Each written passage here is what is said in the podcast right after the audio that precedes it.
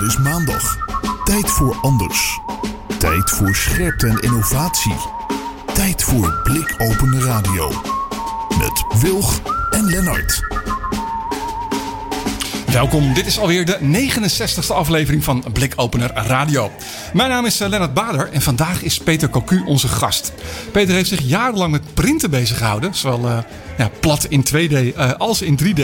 En hij is nu consultant op het gebied van 3D-printen.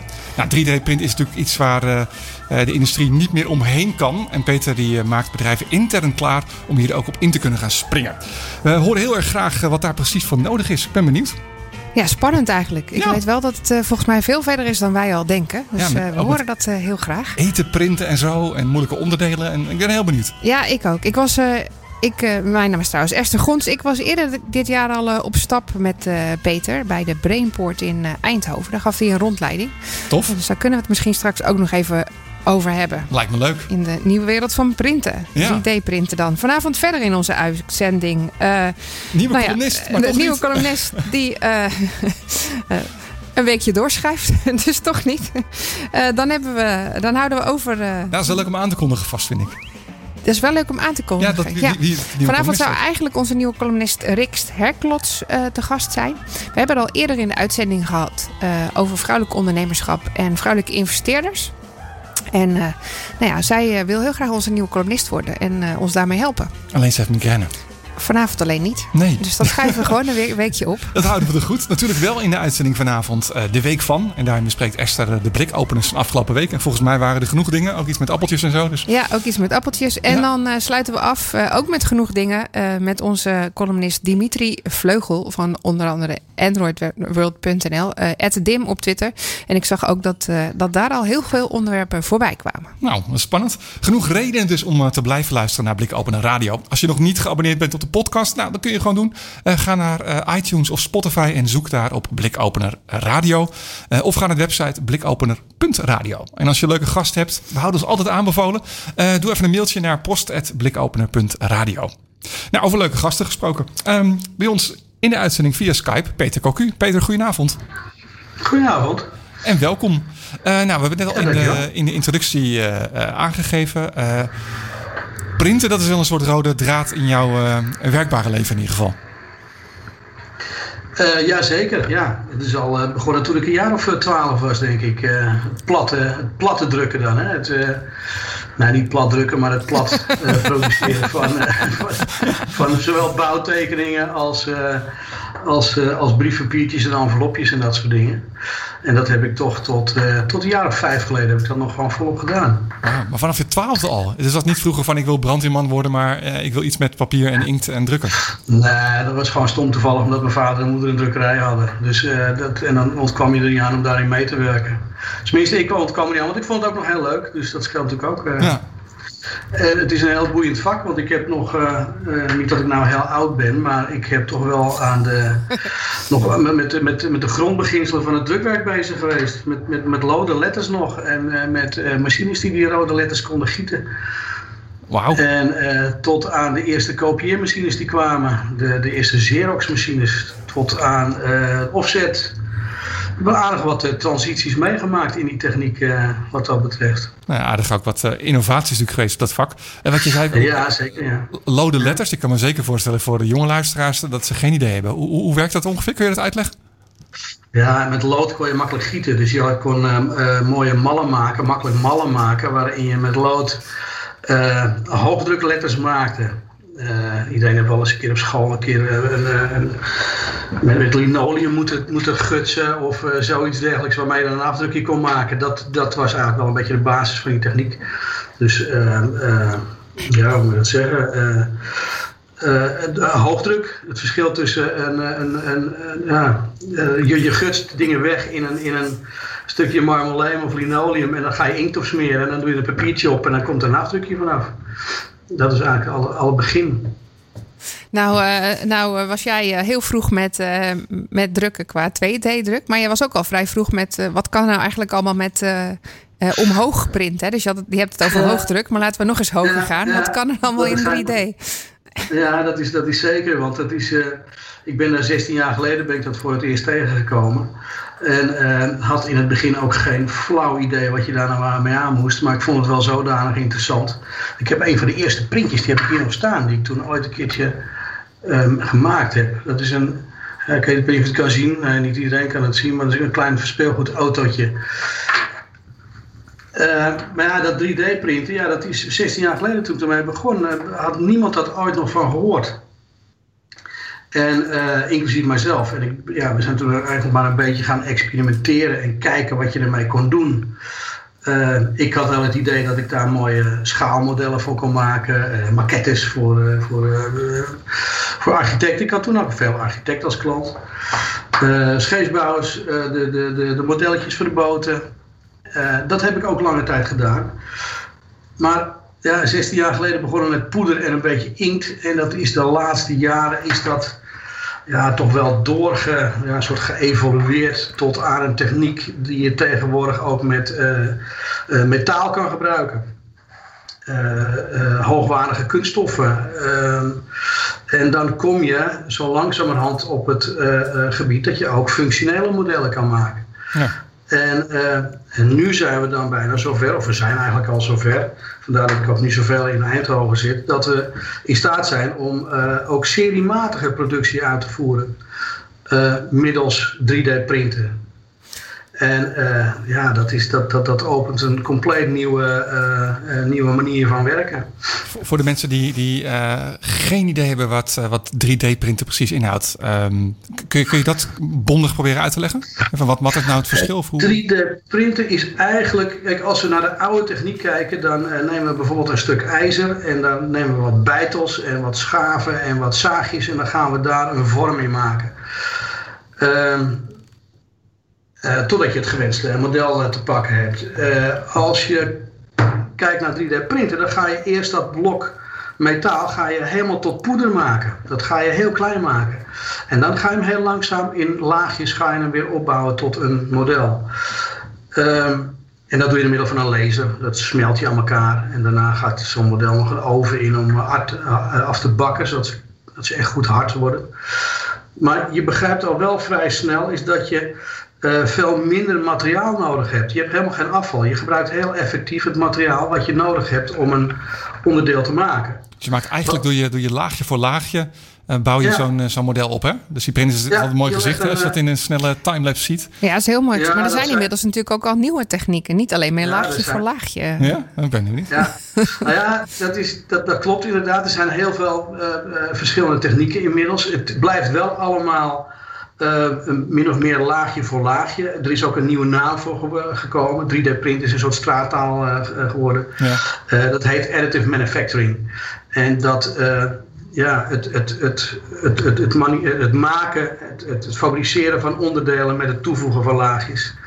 En dat kan een poeder zijn, dat kan een smeltdraad zijn, dat kan een resin zijn tegenwoordig ook, hè, met hassen. Die kan je uitharden met een UV-lamp bijvoorbeeld. Uh, ja, ik kan er wel heel veel in die details gaan om dat, uh, dat uit te leggen. Maar één heel simpel voorbeeld waar ik destijds mee begon is, is uh, poeder. Een soort ja, keramisch materiaal. Heel fijn, heel dun. Dat leg je op een tafeltje neer. En dan stuur je vanuit de computer een 3D getekend model naar die printer toe. En die printer die maakt er allemaal hele dunne laagjes van in de computer eigenlijk. Dat slicing noemen ze dat. En dan wordt laagje voor laagje wordt naar die printer toegestuurd. En die print dat op die poeder. En overal waar die, nou in dit geval was het dan inkt om mee te beginnen. Waar die inkt de poeder raakt, daar verhardt de poeder. En overal waar geen inkt komt, blijft gewoon de poeder liggen. Dus zakt zo'n tafeltje weer een klein stukje naar beneden. Komt weer een stukje laagje poeder erop. En dan gaat hij weer het volgende laagje opprinten. En zo langzamerhand zakt zo'n model, zo'n tafel steeds verder naar beneden en komt er steeds meer poeder op en bouwt zich zo'n heel model op. Hm, fascinerend. Ja, ja, poeder, ja, dat is heel fascinerend. Ja, dat is nog steeds. Uh, uh, al, al, ja, dat is natuurlijk leuk om te zien ook. Ja, dat zeker. Nou, nou, weet ik natuurlijk dat we daar, daar waren we al, al, al even mee bezig. Hè. Je zag ook mensen hadden soms thuis zo'n printertje met, met plastic. En uh, nou ja, misschien wordt dat wat. Misschien dachten we, konden we thuis ooit uh, ons wel uh, stukjes van onze, weet, ik veel, weet ik veel, koffiemachine uitprinten als die stuk was. nou goed, dat, dat, hè, zover is het helemaal niet. Zover is misschien, komt het misschien ook helemaal niet. Dat weten we niet. We hebben niet allemaal thuis zo'n printer staan. Maar ondertussen is stiekem printen in de industrie ja, heel snel gegaan. Uh, ik was bij jou op bezoek in de, in de Brainport. En daar gebeuren allemaal al dingen die, die we eigenlijk misschien niet verwacht hadden. Of nog, of nog helemaal niet mee bezig waren. Want dat, dat is ineens best uit de kinderschoenen gestapt naar uh, zijn de industrieel uh, vatbaar. Ja, ja, zeker. Dat is, uh, en dat, dat zag je ook. We zijn daar langs een apparaat gelopen. Die hele grote metaalprinter die er staat. Uh, dat is om onderdelen te printen die echt in de high-tech industrie gebruikt worden. Uh, om onderdelen te maken die je op een andere manier niet kan maken. Behalve dan met 3D printen. En dat zijn machines die zijn weliswaar nu nog heel erg kostbaar. En worden alleen maar gebruikt voor, uh, voor de, de, leuke projecten voor, uh, van SpaceX bijvoorbeeld. Hè. Die hebben er een aantal van die machines draaien. Ja. Om bijzondere onderdelen te maken voor hun raketten. Ehm, maar ja, de, de, de, de techniek is zo ver dat er nu gewoon heel serieus onderdelen gemaakt kunnen worden. En als je dan bijvoorbeeld kijkt naar uh, uh, een industrie die op dit moment uh, daar bijzonder in geïnteresseerd is, is natuurlijk de automobielindustrie. Die zelf met een enorme transitie bezig zijn om van verbrandingsmotoren naar, naar elektromotoren te gaan. En de auto's moeten allemaal lichter gemaakt worden, omdat die batterijen loodzwaar zijn die erin zitten. Ja. Uh, iedere gram is meegenomen. En met 3D printen, dus nou ja, additive manufacturing, kan je dat wel bereiken. En het bewijs daarvan is inmiddels al geleverd door uh, de luchtvaartindustrie. Die hebben daar uh, uh, nog veel eerder het belang gezien van gewicht.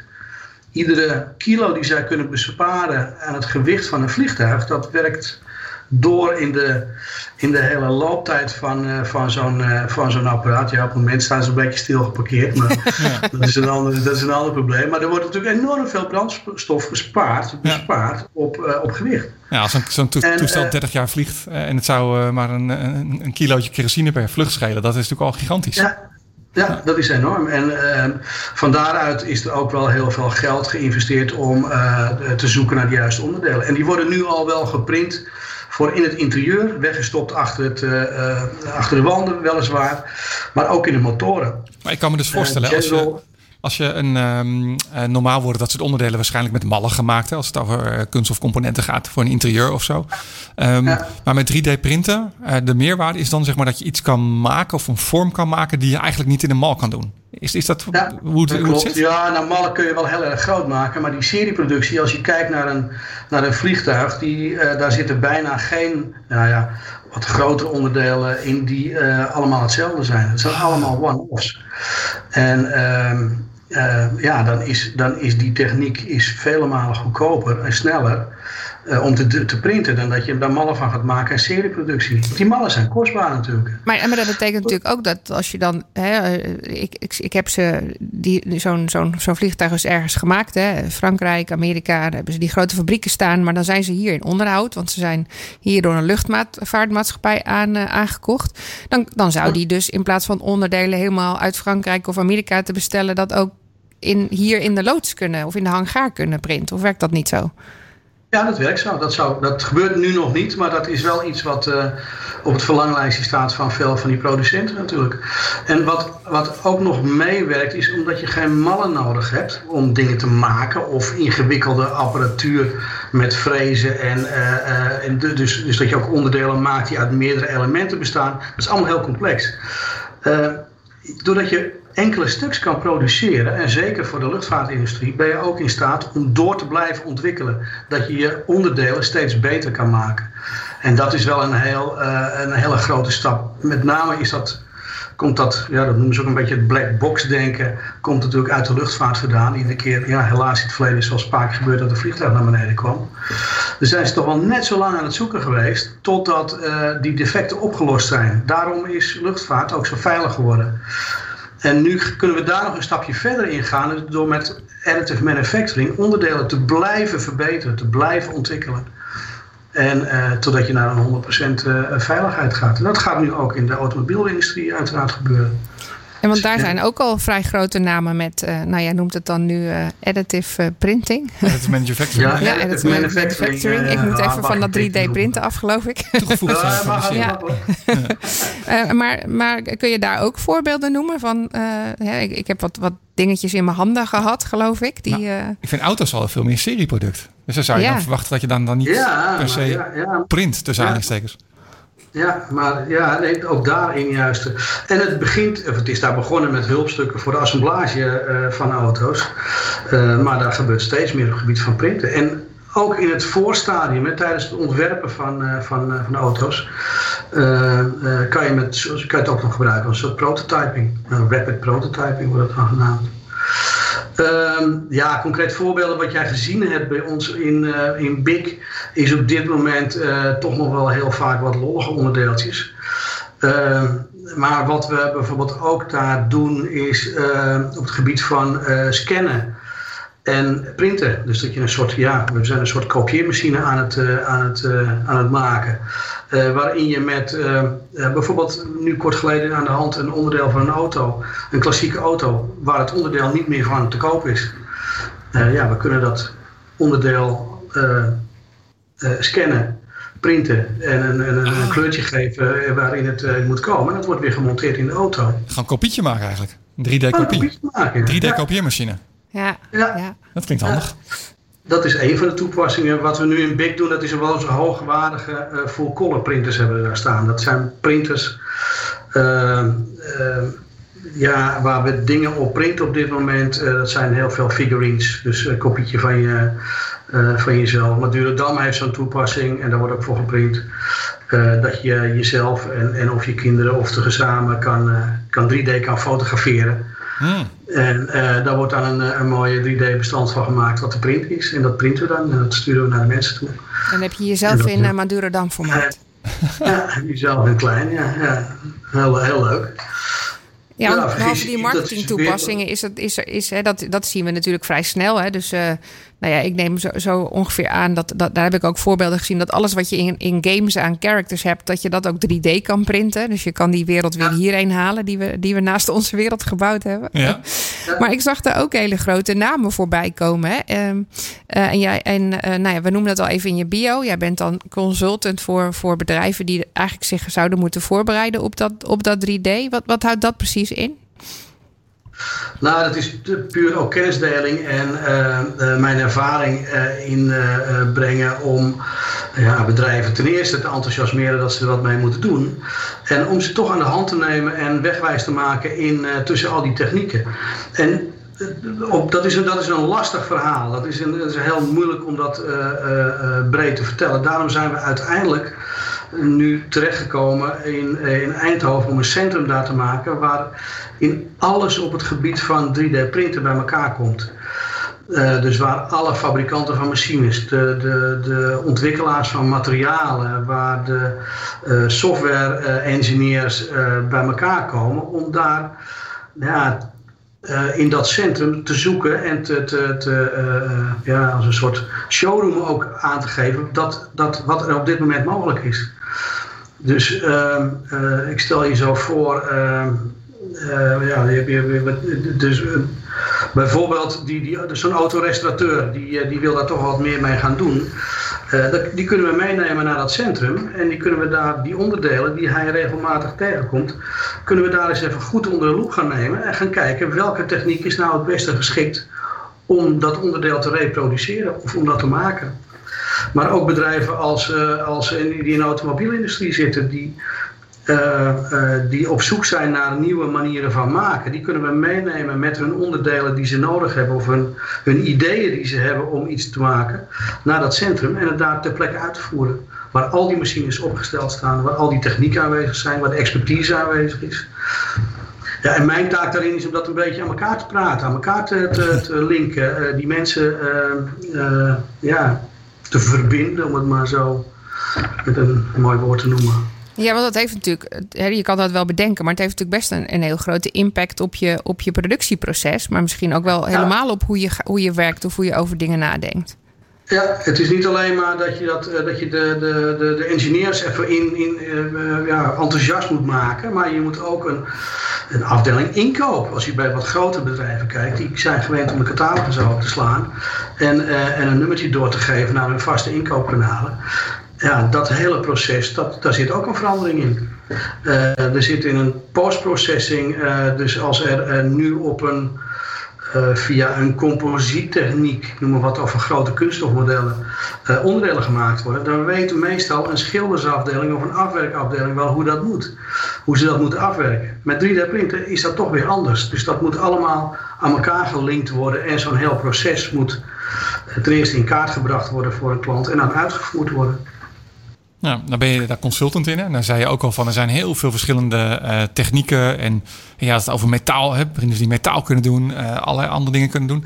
Hoe, hoe, hoe, zorg je, hoe zorg je nou zelf dat je daar uh, kundig in wordt of dat je daar de kennis in opdoet? Ik kan het zelf niet. Ik zou niet weten hoe ik het moet doen. Geen idee hoe ik zie. Mooi antwoord. Kijk, en nou ja, goed, kijk, een, een, printer die kan ik wel aanzetten, want dat is een druk op een knop. Dat is een aan- en uitknop die je ja. aan moet zetten. Maar ik ben niet iemand die uh, 3D kan tekenen. Ik ben niet een, een, een iemand die een 3D-scanner kan bedienen. Ik, uh, uh, ik, ik, ik weet een klein beetje hoe ik bepaalde printers wel moet kunnen bedienen. Wat ik wel weet is wat ze kunnen. Ja. En waar ik wel goed in ben, is de mensen die weten hoe dat werkt, om die de juiste richting op te krijgen. En dat is wel heel erg belangrijk. Het zijn vaak ook technische jongens die, uh, die toch een hele andere taal spreken dan weer commerciële mensen. Maar ga je dan heel veel bij dat soort mensen op bezoek? Hoe hou je jezelf nou op die hoogte van die nieuwe technieken? Dat er, dat er misschien weer met een nieuwe samenstelling iets kan, waardoor uh, nou ja, zo'n zo zo nou ja, wat je print wel iets kan, wat eerder niet kon. Dat soort dingen moet je dan toch ook weten? Zoveel mogelijk bezoeken, dat inderdaad wel. Maar dat kan natuurlijk niet, want het zit over de hele wereld heen. Uh, maar online is natuurlijk heel veel, uh, wordt er gedeeld. Dat is ook natuurlijk wel het voordeel van internet, maar het is ook iets wel wat gaande is in deze nieuwe industrie. Uh, voorheen hield, een, uh, hield, het, hield de industrie hun kaarten nog wel tegen hun borst aan om niet te veel informatie te delen met elkaar. In die 3D-printingwereld of in de additive manufacturing-wereld yes. wordt daar wel iets, daar wordt wel iets meer gedeeld. Er zijn ook heel veel open source technieken, dus die door groepen van mensen, groepen gebruikers iedere keer verbeterd worden. Uh, uh, ja, en zo moet je een beetje je netwerk zien, uh, zien, zien up-to-date te houden. En daar je informatie uit te halen. Lijkt me, lijkt me superleuk dat je zeg maar, op een gegeven moment, als je een nieuwe techniek tegenkomt, dat je denkt, oh wauw, maar dat, dat zou je daar en daarvoor kunnen gebruiken. Ja, ja, ja is nu veel de combinatie. Wordt, ja. ja. Dus sinds een paar jaar is de, is de grote chemiereuzen zijn ook wakker geworden. Die hebben gezien van ja, we moeten nu toch wel gaan kijken of we ook materialen uh, die nu voor spuitgieten gebruikt worden. Hè? Bijvoorbeeld voor, uh, voor, uh, voor de schoenenindustrie. Ja, er worden al heel veel schoenzolen worden op dit moment geprint. Die ook bepaalde eigenschappen hebben die je weer niet met spuitgieten kan doen. Dus die zagen daar ook wel een stukje markt aan verloren gaan. En die zijn nu wakker geworden. Die zijn nu de materialen die ze al hebben, zijn ze geschikt aan het maken om 3D te printen. En ook om die materialen voor sommige toepassingen gewoon op maat te maken. Dat is ook heel interessant. En daar, heb je, daar hoef ik niet te weten hoe dat precies werkt. Ik ben geen chemicus. Ik heb geen idee hoe, hoe nylon. Uh, uh, ik, ik heb dan wel eens gehoord dat het uit, uit olie, uh, als olie, ruwe olie gekraakt wordt, dat er daar ja. allerlei stoffen uit voorkomen enzovoort. Maar verder gaat mijn kennis daarop niet. En dat wil ik ook helemaal niet. Want dan, ja, daar ben je volgens mij ook langzaam uh, gillend gek van. Uh, maar die combinatie opzoeken tussen die materialen, die toepassingen, die applicaties, wat het mooi genoemd, ja, dat is fascinerend. En dat is, uh, dat is hetgene waar, ook, waar ik mij, mij wel kan, van dienst van kan zijn voor bedrijven. Mooi. Zou, zou je ons wat voorbeelden kunnen geven van ehm, dingen die misschien die je niet verwacht, die, die 3D geprint kunnen worden? Of hele mooie toepassingen waarvan je denkt, wauw, maar dat dit er nou kan, dat, dat vind ik echt bijzonder. Nou, ik heb laatst een heel mooi element gezien. Dat was een, een, of het ook echt gebruikt is in, dat, in die motor, weet ik niet. Maar dat was een onderdeel van een vliegtuigmotor. Waar een, een brandstofinlaatstuk. Uh, dat was van de buitenkant dacht je van ach, het zal wel. Het is, maar er zat verborgen in dat element, en daarom was het ook geprint. Er zat zoveel detail, er zat zoveel techniek nog in verwerkt en dat ik dacht van hé, hey, dit is toch wel een heel bijzonder, bijzonder element. En wat ook een techniek is waar, ja, ik ga misschien wel ver in een technisch keramiek, is een materiaal dat is, ja, dat is harder dan staal, zeggen ze soms. Het is diamantstaal. Daar worden bijvoorbeeld boordjes van mij, heb ik daarvan gezien, die geprint zijn. Weliswaar in een heel andere techniek weer dan met poeder. Uh, maar die uh, uh, minuscule leidingjes in die boor zaten, waar weer door een speciaal vloeistof kon gaan, waardoor die boor weer gekoeld kon worden. waardoor die weer sneller kon draaien. Dat zijn allemaal, ja, dat zijn wel, wel leuke elementen. Maar ja, dat zijn ook wel, ja, dat is je moet ook wel goed gaan kijken dat het ook wel zin heeft. En uh, de, iedereen is natuurlijk ook wel zijn best uh, aan het doen om, om hele bijzondere, ingewikkelde dingen te maken. Maar vaak is het hele simpele is wel net zo goed. een van de mooie dingen, dat schiet me net te binnen, het is wel een belangrijke die ik dan even wil noemen, is, is waarom 3D-printen op dit moment ook heel interessant is voor bedrijven is niet alleen dat je die dingen kan maken die op een andere manier niet te maken zijn, maar is dat er een enorm tekort is en, en, en dreigt nog weer verder aan te komen aan arbeidskrachten, aan vaklieden die echt dingen kunnen maken met hun handen of die een machine kunnen bedienen. De, eh, de, de, vakopleidingen zijn er al niet meer. Eh, de jeugd vindt het helemaal niet interessant. Die vindt het veel leuker om achter een machine te zitten of achter een computer te zitten om dingen te ontwerpen en te maken. Ja, en een van de oplossingen daarvoor zou kunnen zijn, is dat je 3D-printers in gaat zetten om het handwerk niet meer te hoeven doen. En uh, dat kan voor een groot deel al. Ja, en er zijn natuurlijk meer mogelijkheden. Hè? Want eh, dat, Peter had dan een voorbeeld van... je ziet wel eens in uh, Azië van die houten balletjes... waar binnen dan weer een heel tafereeltje gezit zit. En dan vraag je je wel eens af... hoe hebben ze dat in hemelsnaam kunnen maken? Hè? Dat, dat kan natuurlijk... Je kan je voorstellen dat met 3D-printer... kan dat nog veel, met veel meer detail en ingewikkeld... zonder dat je iets van twee onderdelen hoeft te maken. Dat kan allemaal in één keer. Dus er kan eigenlijk heel, veel, heel veel veranderen. Maar jij gaf net. Ik heb ergens een balletje liggen. Dat, daar zitten vijf of zes balletjes nog een keer in dat balletje. En dat zit allemaal los van elkaar. Dat rammelt. En dus, uh... dat zit er gewoon in, ja. Maar goed, jij gaf net dat voorbeeld van die, uh, van die schoenenfabrikant. Hè, dat dat spuitgieten, dat zijn ze nu gewend. En in principe kan, kunnen ook dingen geprint... waardoor hun nou ja, eigenlijk hun positie verandert. Hè. Dus daar moeten zij eens voor gaan oppassen. Jongens, uh, we worden ingehaald door bepaalde technieken in het 3D-printen. Dus we moeten of onze eigen techniek aanpassen, of uh, onze eigen uh, ontwerpen daarop aanpassen, of iemand anders gaat dat doen. heb je daar nog meer voorbeelden van? Of, of, kan jij een beetje ons meenemen in de toekomst? Wat, wat zijn er voor dingen die, die jij ziet die echt gaan veranderen, waar we, waar we best op, op moeten letten nu, of waar industrie op moet letten? Nou, wat, uh, wat wij op, op, op, op korte termijn, en korte termijn zou ik dan zeggen tien jaar, uh, zullen wij niet zoveel daar van de buitenkant van zien. Uh, hooguit schoenen, uh, orthopedische zolen, daar gebeurt veel in. 3D-printen is eigenlijk al volledig geadopteerd door de tandtechnicus. Die scannen je mond en modelleren daarnaast in een, op een computer modelleren ze de kies en de, en de kronen die je nodig hebt. En die worden geprint en die worden neergezet. Ik denk dat het misschien nog wel een keer naar een systeem toe gaat dat je er zelf in kan schroeven. Dat hoef je helemaal niet met het tandarts doen. Ja, uh, dat zijn de dingen. Maar ik denk dat het merendeel wat je de komende tien jaar gaat zien is dat het in de industrie een verandering gaat teweegbrengen. En dat wij als consumenten, moet ik zo moeten zeggen, nou, misschien onder de motorkap daar wel dingen van zien, maar verder zichtbaar nog niet. Maar wat er wel, wat wel een heel belangrijk ding is, is dat doordat je enkele stuks maakt, kan je die, die dingen die je print, die kan je ook allemaal een ander uiterlijk geven. Dus je kan ze ja, customiseren, customizing, je kan ze uh, een van de mooie kreten die op dit moment gebruikt wordt is mass customization.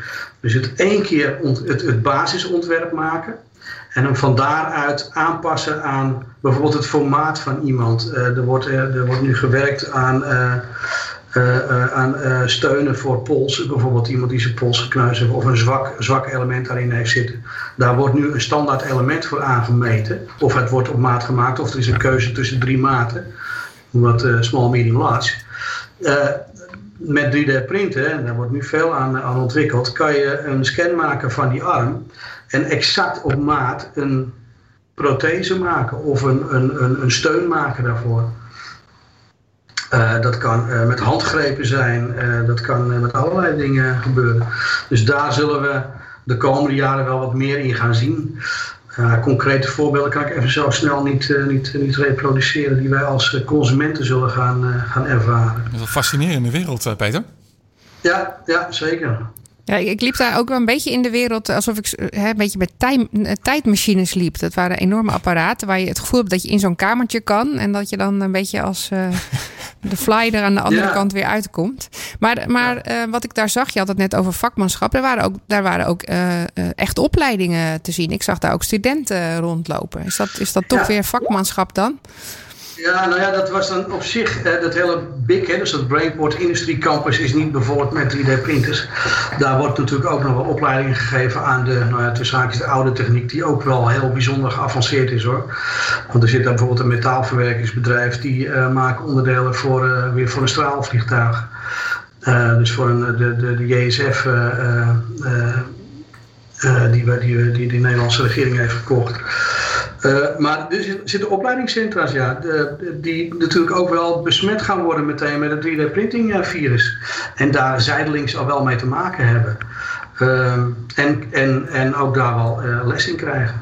Maar het is nu nog een combinatie tussen de oude techniek en de nieuwe techniek. Ja, maar dat zal natuurlijk veel meer uh, gaan worden, denk ik zo. Ja, en dat gaat steeds meer worden. Want als je kijkt, Fontis is bijvoorbeeld in, het, in het, dat deel van Nederland een, een hogeschool uh, waar vakopleidingen gedaan worden. Daar uh, is nu een paviljoen gebouwd.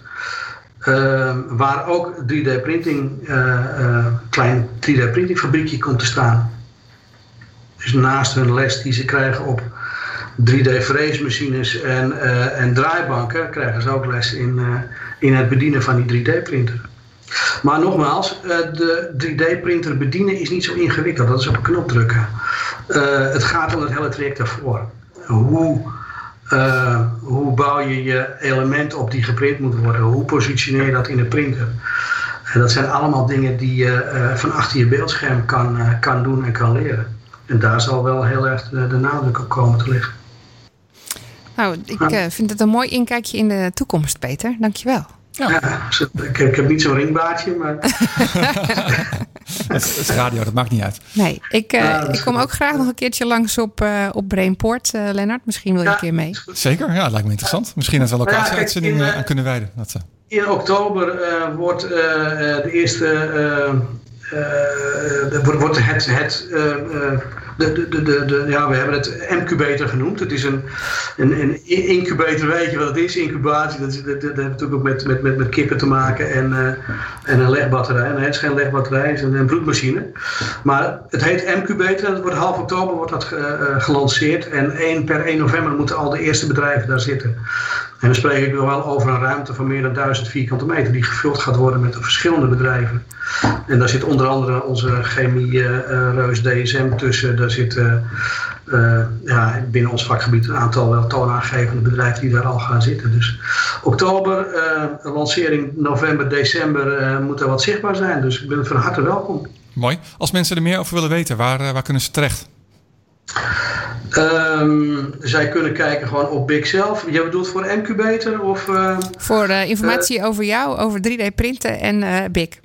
Als je googelt 3dprinting.nl of 3D printen in het algemeen, dan kom je wel een heel eind. over Big, ja, big.nl of big.com. mqbeter.com is net gelanceerd. Daar kan je alvast je e-mailadres achterlaten. dan word je op de hoogte gehouden. En uh, ja, veel, veel te gaan. Maar het is, als je geïnteresseerd bent in 3D printen, Google op 3D printen en, of 3D printing en machines of uh, uh, materialen. Er is heel veel informatie beschikbaar.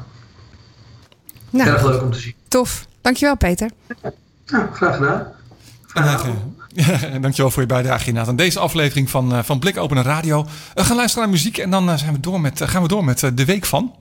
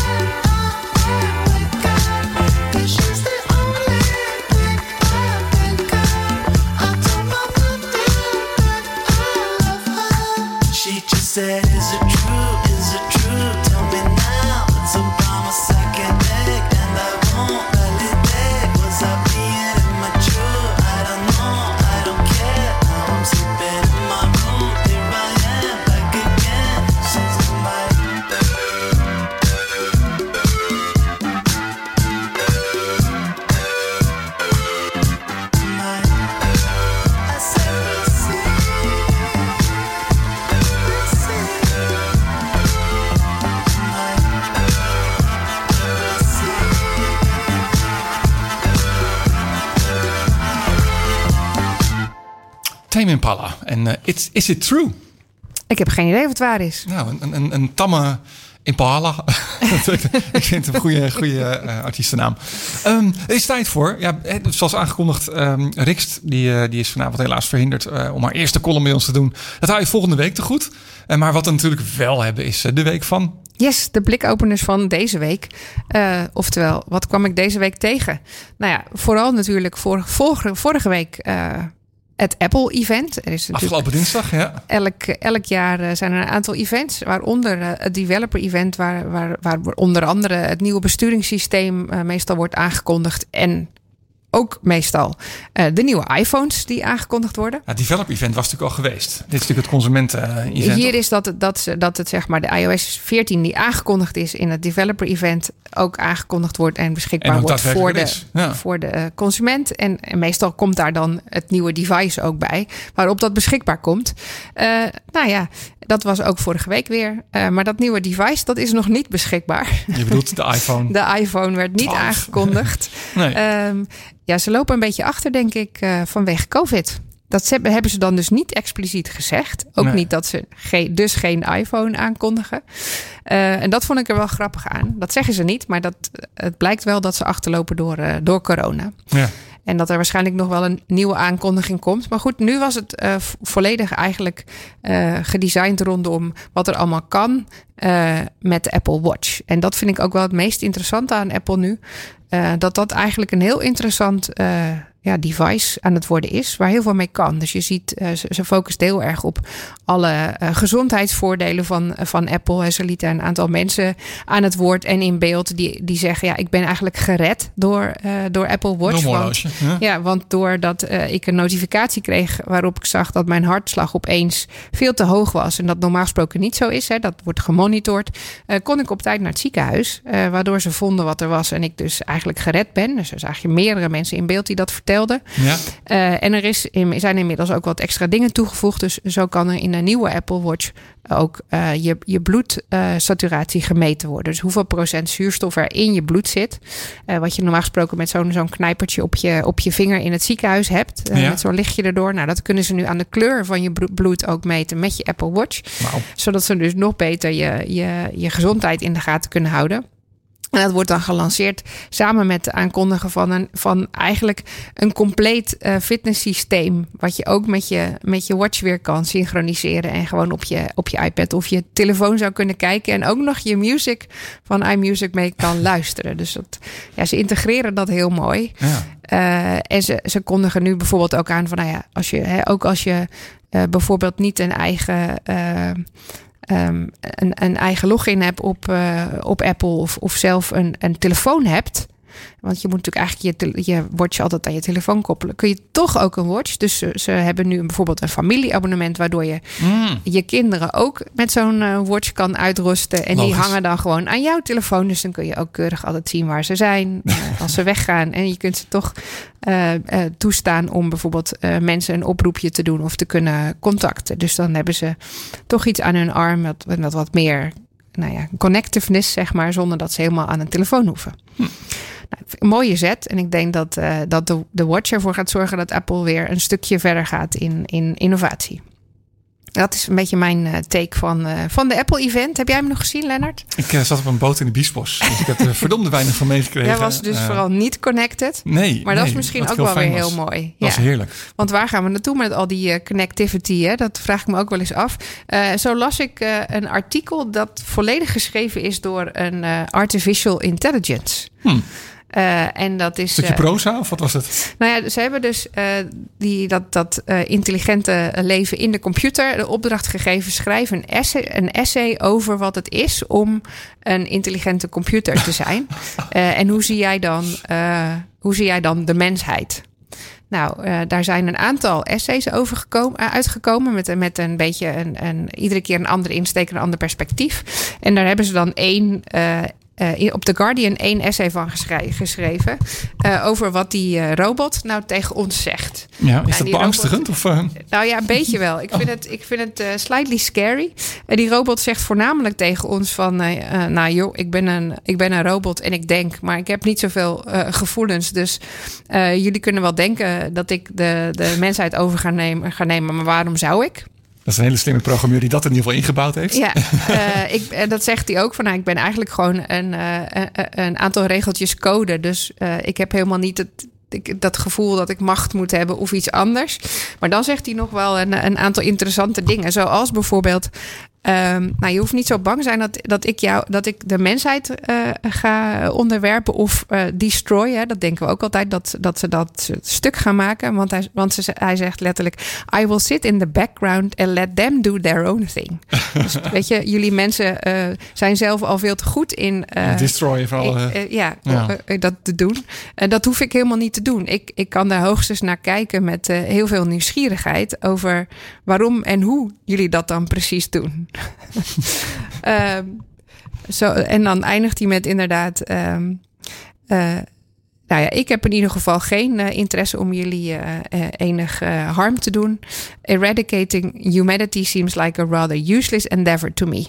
Ook al doen jullie dat dan zelf wel. Ja. Dat, goed, zo zegt hij dan Wijs. een aantal van dat soort dingen. Ja. Um, maar het is dus, dat hele essay, dat, dat zit dus heel goed in elkaar. En dat is ook helemaal zo uh, geschreven en uh, bekijkt een aantal standpunten vanuit waarom, hoe hij mensheid ziet. En dat vind ik dus best heel interessant van een artificial intelligence.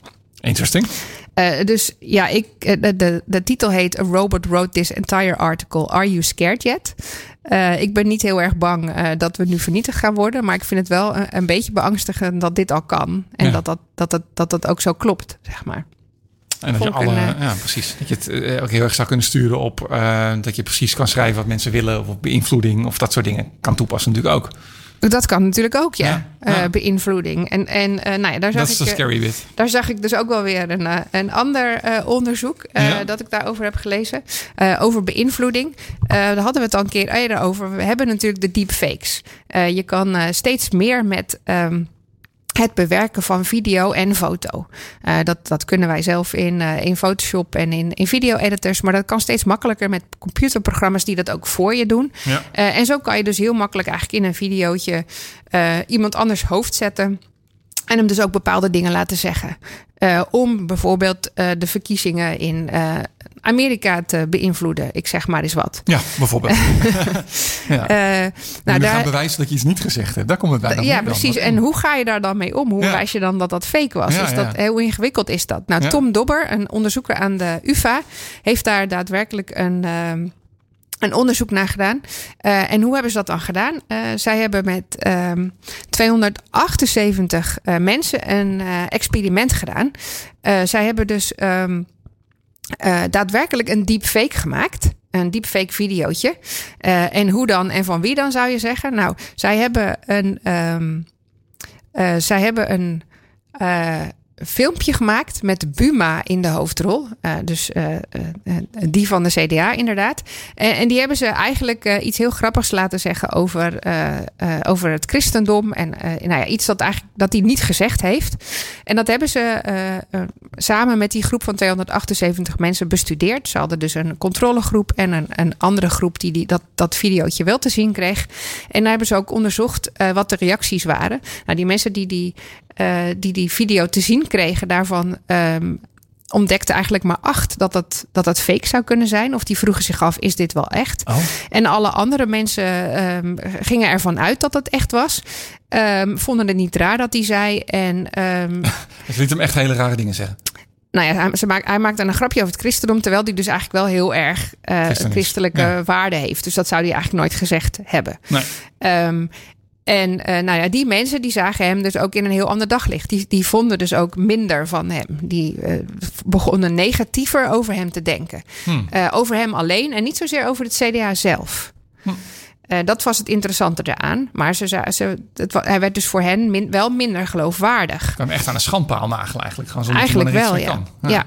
Hmm. Nou, en ze hebben uiteindelijk na dat onderzoek wel gezegd van... jongens, dit was niet echt. Ehm, nou ja, en die Tom zegt ook: het interessante hieraan is niet zozeer, um, jeetje, wat moet, jeetje, ze vonden het, ze vond, dachten dat het echt was, maar meer, um, hoe beïnvloedt het mensen en hoe, hoe, wat, of wat moet je dus eigenlijk gaan doen om de schade van dit soort deepfakes te kunnen gaan beperken? Hoe moeten wij hier uh, op social media of op andere platformen nou eigenlijk mee omgaan? En, en ja. als je dat straks misschien wel veel meer tegen gaan houden. Want dat zegt de onderzoeker ook, Tom Dobber.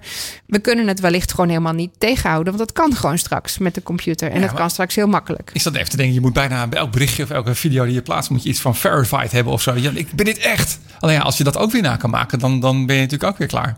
Nou ja, goed, je moet bijna gaan bewijzen dat je het niet bent. Of Nou ja, precies. En dat is natuurlijk heel lastig. Want uh, we hebben al ontdekt dat leugens uh, ontkrachten uh, ook niet zo heel makkelijk is. Ja, als je, als je leugenaar bent, dan, hè, als je dat gelooft, dan, dan word je alleen maar bevestigd in, in, in jouw standpunt dat iemand hard tegen ingaat. We hebben zelfs een, een, een, president in Amerika die aantoonbaar minimaal twintig leugens in zijn carrière heeft gedaan. die invloed hebben op de rechtsstaat.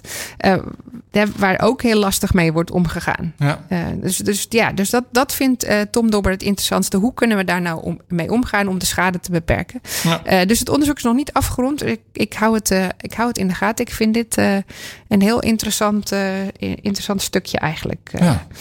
Nou goed, en we hebben natuurlijk ook nog TikTok. Ja, dat is ook een verhaal apart. Ja. Walmart en Oracle. Ja, het is een lastige.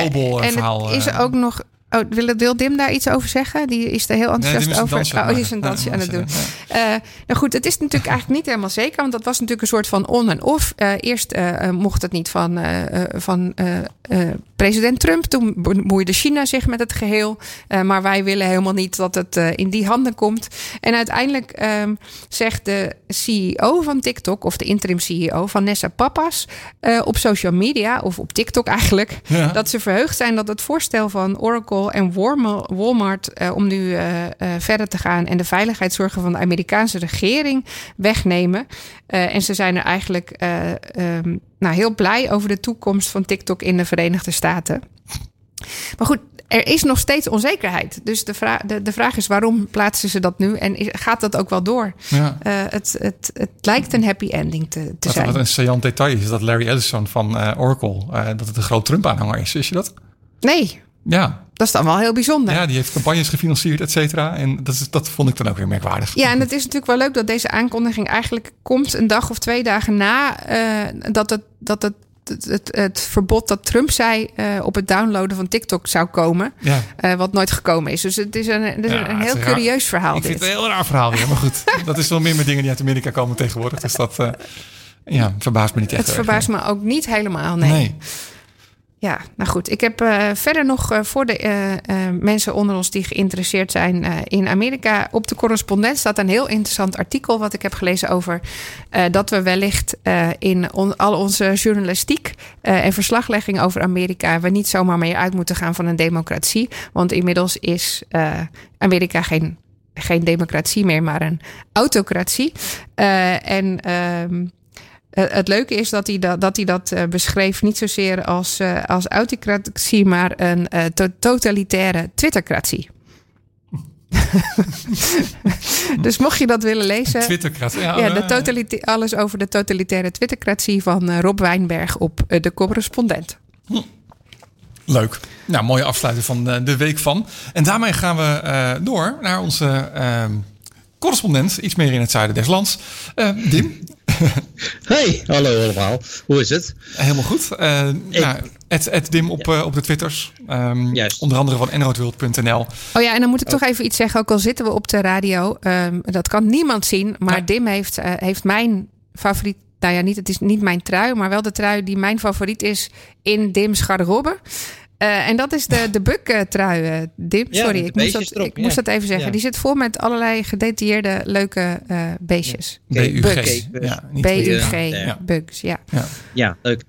Goed, nou, ik heb, voor deze jullie gemist. Ja, ja dat is best lang geleden, Dim, na de zomerstop.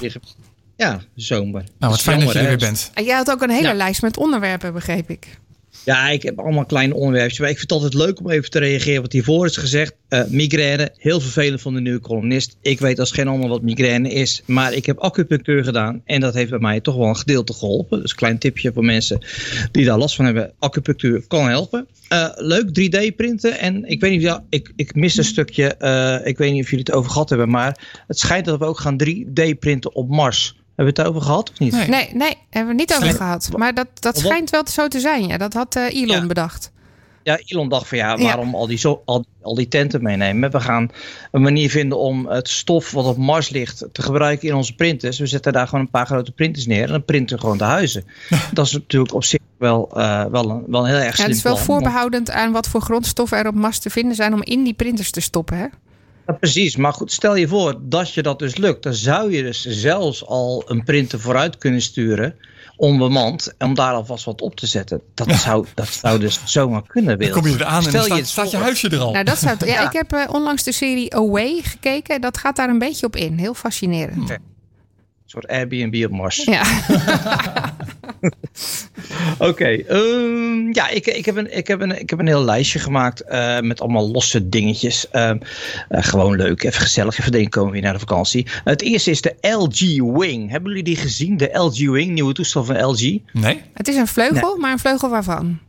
Nou, het, wat, wat, kijk, we zijn nu helemaal in de ban van de vouwbare toestellen. Uh, Samsung heeft er één en, en de Razer heeft ook weer een tweede versie met een mooi schermpje voorop. En die vouw je dan open. LG Wing is een variatie met twee schermen die zeg maar, ja, hoe moet ik het vertellen? Die zeg maar, het, het, draaipunt zit bovenaan, waardoor je zeg maar het bovenste scherm kan omdraaien totdat het zeg maar een kruis is. Kun je het een beetje voorstellen? Mm. Nee, dus dat, dat, dat, uh, je hebt, uh, uh, oh god jongens, dit wordt moeilijk. Radio. Dit, radio. Toen hou je telefoon gewoon in portrait mode voor je. Ja? En bedenk je, bedenk je dan een tweede scherm, wat je dus open draait, dat er dan in, in landscape mode bovenop zit. Oh, dus een soort T-splitsing. Ah. Ja, T-splitsing. Zo ziet dat eruit. Dus in het begin denk je van ja, dat, ziet er niet uit. Uh, best wel gek en zo. Maar er zijn heel veel uh, software uh, dingetjes die ze erin hebben gedaan. die best wel leuk zijn. Ten eerste hebben ze er een gimbal van gemaakt. Dus je kunt, je hebt, je hebt op het gedeeltje beter heb je een gimbal bediening. Waarmee je de camera kan bedienen. Nou, er zit een dubbele camera op. Dus je kunt jezelf, jezelf filmen en de andere kant filmen. Maar bijvoorbeeld ook als je hem weer een kwartslag draait. Kun je hem in je autohouder doen met in uh, landscape, uh, in portrait mode, uh, de, de, maps en in het kleine schermpje kun je dan bijvoorbeeld je gesprekken aannemen en dergelijke. Hmm. Um, op Android World werd er natuurlijk weer heel erg negatief op gereageerd. En mensen zeggen, ja, het ziet er toch niet uit en is toch helemaal niet handig. Maar ja, ik wil er toch aandacht aan geven, omdat ik eigenlijk LG wel een dikke pluim wil geven. Dat ze zulke soort dingen um, doen. Gewoon durven om iets Um, um, om het verder te krijgen eigenlijk. Ja. iets verder te krijgen.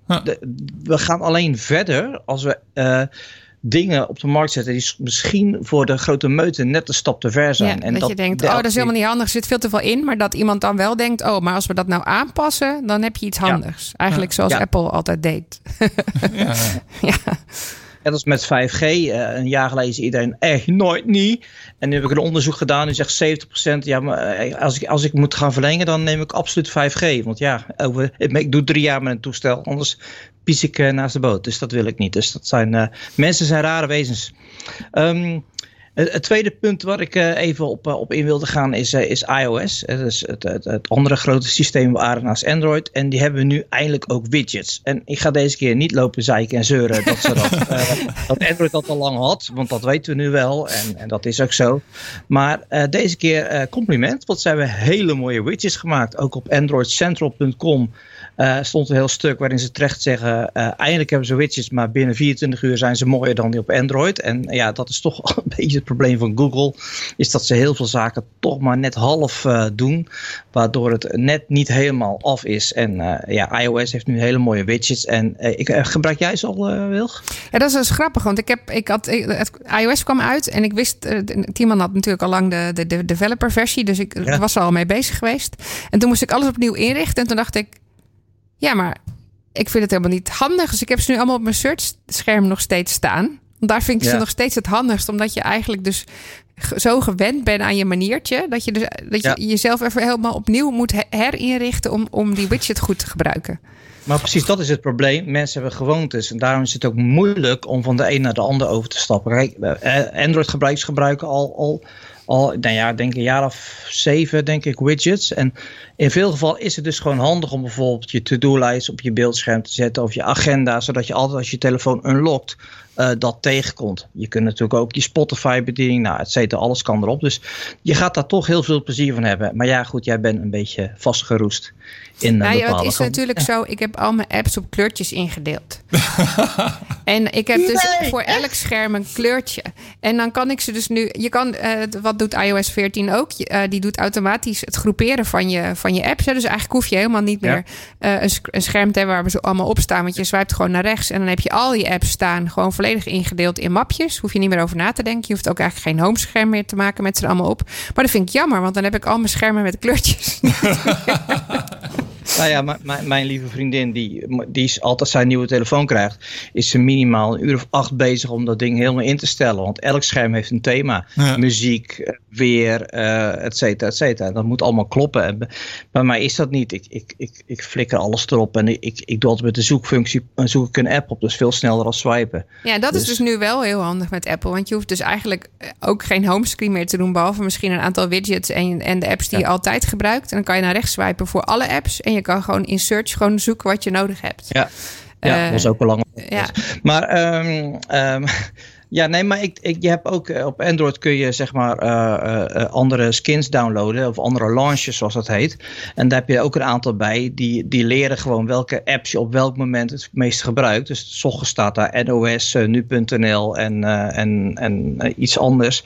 En s'avonds staat daar Netflix en dergelijke. Die, die passen zich gewoon aan, aan, aan, je gedrag. Dat is ook best wel handig. Alleen ja, daar moet je niet zeg maar vastzitten in een bepaald patroon. Want dan werkt dat niet. Maar het is best wel grappig dat iedereen heeft zijn eigen manier van zijn uh, smartphone, uh, smartphone gebruiken. Uh, voor mij hebben we nog tijd voor een heel kleintje, denk ik. Ja, één minuutje. Eén minuutje, oké. nou ja, um, um, um, ja, Chinese merken overspoelen de, de, de markt in, als het om smartphones gaat. de, uh, zijn nu uh, Poco, dat is een, een submerk van Xiaomi. En die heeft echt krankzinnig goedkope telefoons uh, gelanceerd voor de techniek die erin zit. En ook hele discussies met mensen over gehad. Ik denk dat het een slechte zaak is voor de markt, want daar kan nooit A een mooi merk uitgroeien, omdat er geen, uh, geen liefde is voor het merk. Maar B, hoe gaat het ooit gebeuren als die telefoons kapot gaan en ze moeten vervangen worden? Uh, ja. Ja, ja, precies. En daar ben ik dan wel een beetje bang voor. De action. Daar gaan we volgende keer dieper op in. Ja. ja. Dankjewel voor je bijdrage, Dim. Uh, als je me volgen, Dim op alle socials.